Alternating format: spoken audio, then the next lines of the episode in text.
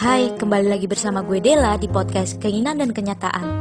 Hmm, kalian pernah gak sih ngalamin atau mungkin sekarang sedang berada di fase pertemanan yang semakin berkurang? Yang dari anak-anak, remaja, sampai kalian sekolah itu masih punya banyak teman.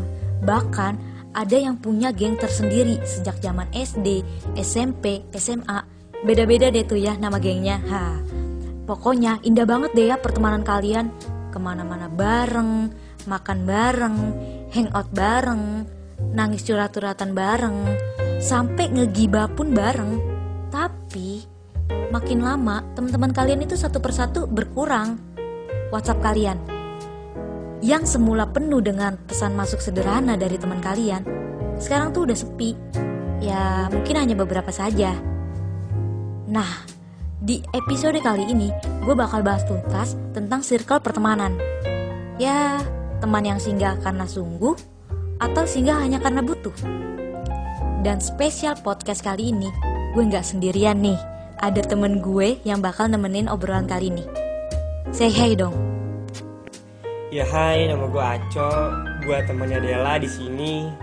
Gue bakalan sharing sama kalian semua tentang pertemanan gue selama ini yang mungkin kalian belum pernah ngerasain atau mungkin malah sebaliknya gitu kalian udah pernah ngerasain. Oke, langsung aja ya kita masuk ke topik pembahasan. Gue itu tipikal orang yang ke mana-mana nggak bisa sendiri. Dan gue lebih senang aja menghabiskan waktu di luar rumah. Makanya, kalau dalam pertemanan, ya enjoy aja sih sebenarnya. Mau berteman dengan siapa aja, ya bebas. Nah, kalau lo, Cok, gimana sudut pandang lo tentang pertemanan? Oke, jadi ini sudut pandang gue tentang pertemanan ya. Menurut gue tuh pertemanan kayak hmm, permainan sih. Kalau lu udah nyelesain permainan tersebut ya selesai juga pertemanan lu gitu. Oh, jadi kalau lo bilang pertemanan itu seperti permainan, berarti dalam pertemanan itu ada yang seharusnya lo lindungin dan ada juga yang harus lo bunuh atau singkirkan, gitu ya? Ya itu sih udah pasti sih. Semakin lu dewasa nih, semakin juga lu bisa lebih selektif lagi buat milih temen. Mana teman yang harus lu jaga atau temen yang harus singkirin. Lebih jauhin sih kalau cuma bawa pengaruh yang negatif buat diri lu atau biasa disebut dengan toxic.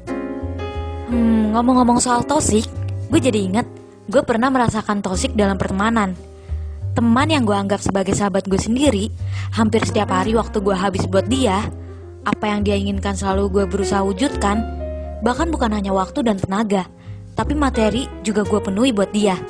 Dan sampai akhirnya gue paham, ternyata dia itu singgah berteman dengan gue bukan karena sungguh, melainkan hanya karena butuh. Fix banget sih itu kalau menurut gua.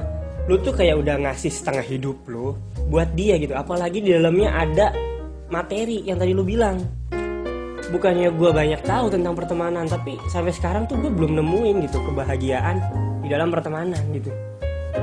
Tapi nih ya kalau gua boleh nanya nih, lu kan sekarang lagi berada di dalam pertemanan toksik gitu.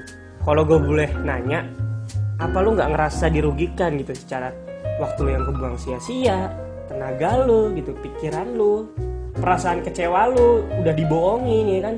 Lu nggak ada gitu rasa ingin balas dendam. Apalagi di sini ada materi. Kalau gua sih rugi banget ya.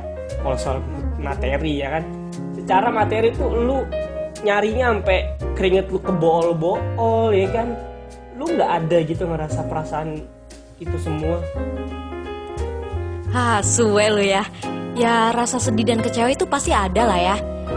Contohnya kayak gue udah ngeluarin materi tapi nggak dihargain itu sih sia-sia parah. Dan itu adalah hal yang bikin gue tuh berat gitu untuk ngelupainnya. Tapi ya nggak bisa kita pungkiri juga bahwa dua kata tersebut, sedih dan kecewa, ialah fase lika-liku hidup yang harus kita jalani. Karena hidup nggak selalu tentang bahagia. Balas dendam, gak perlu. Cukup jadikan pengalaman untuk pembelajaran dalam hal selektif memilih teman.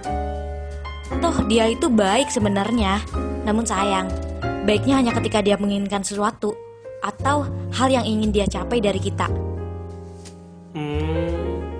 Jadi gini sih, menurut gua lu boleh baik ke siapa pun gitu. Tujuan manusia di dunia juga menjadi orang yang baik ya kan. Tapi lu harusnya lebih hati-hati lagi karena bisa jadi kebaikan lo itu jadi celah untuk orang lain manfaatin lu. Ya bener sih apa yang lu bilang. Wah, ternyata semakin dewasa kita semakin tahu ya circle pertemanan itu seperti apa. Tapi gue yakin sih, pasti ada teman yang bener-bener tulus, yang sungguh. Yang ada bukan hanya ketika lu senang dan berada di atas, melainkan ada ketika lu susah.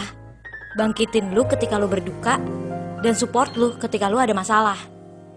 Ya itu sih banyak sih tipe-tipe pertemanan lainnya kayak Eh, cet, cet. kayaknya lebih seru lagi kalau kita bahas di episode selanjutnya ya. Tapi gue ada pesen nih buat pertemanan toxic Episode kali ini gue bakalan Gue pengen ngasih pesen aja sih buat kalian yang ada di Pertemanan toxic atau fase pertemanan toxic gitu Gue cuman kasih satu pesan buat kalian Mendingan kalian cintai diri kalian sendiri Atau orang tua kalian Itu udah pasti sih Kebahagiaan bakalan jadi milik kalian Yaps, betul sekali. Oke, mungkin itu saja perbincangan kita pada episode kali ini. Circle pertemanan lainnya akan kita obrolin di episode selanjutnya ya.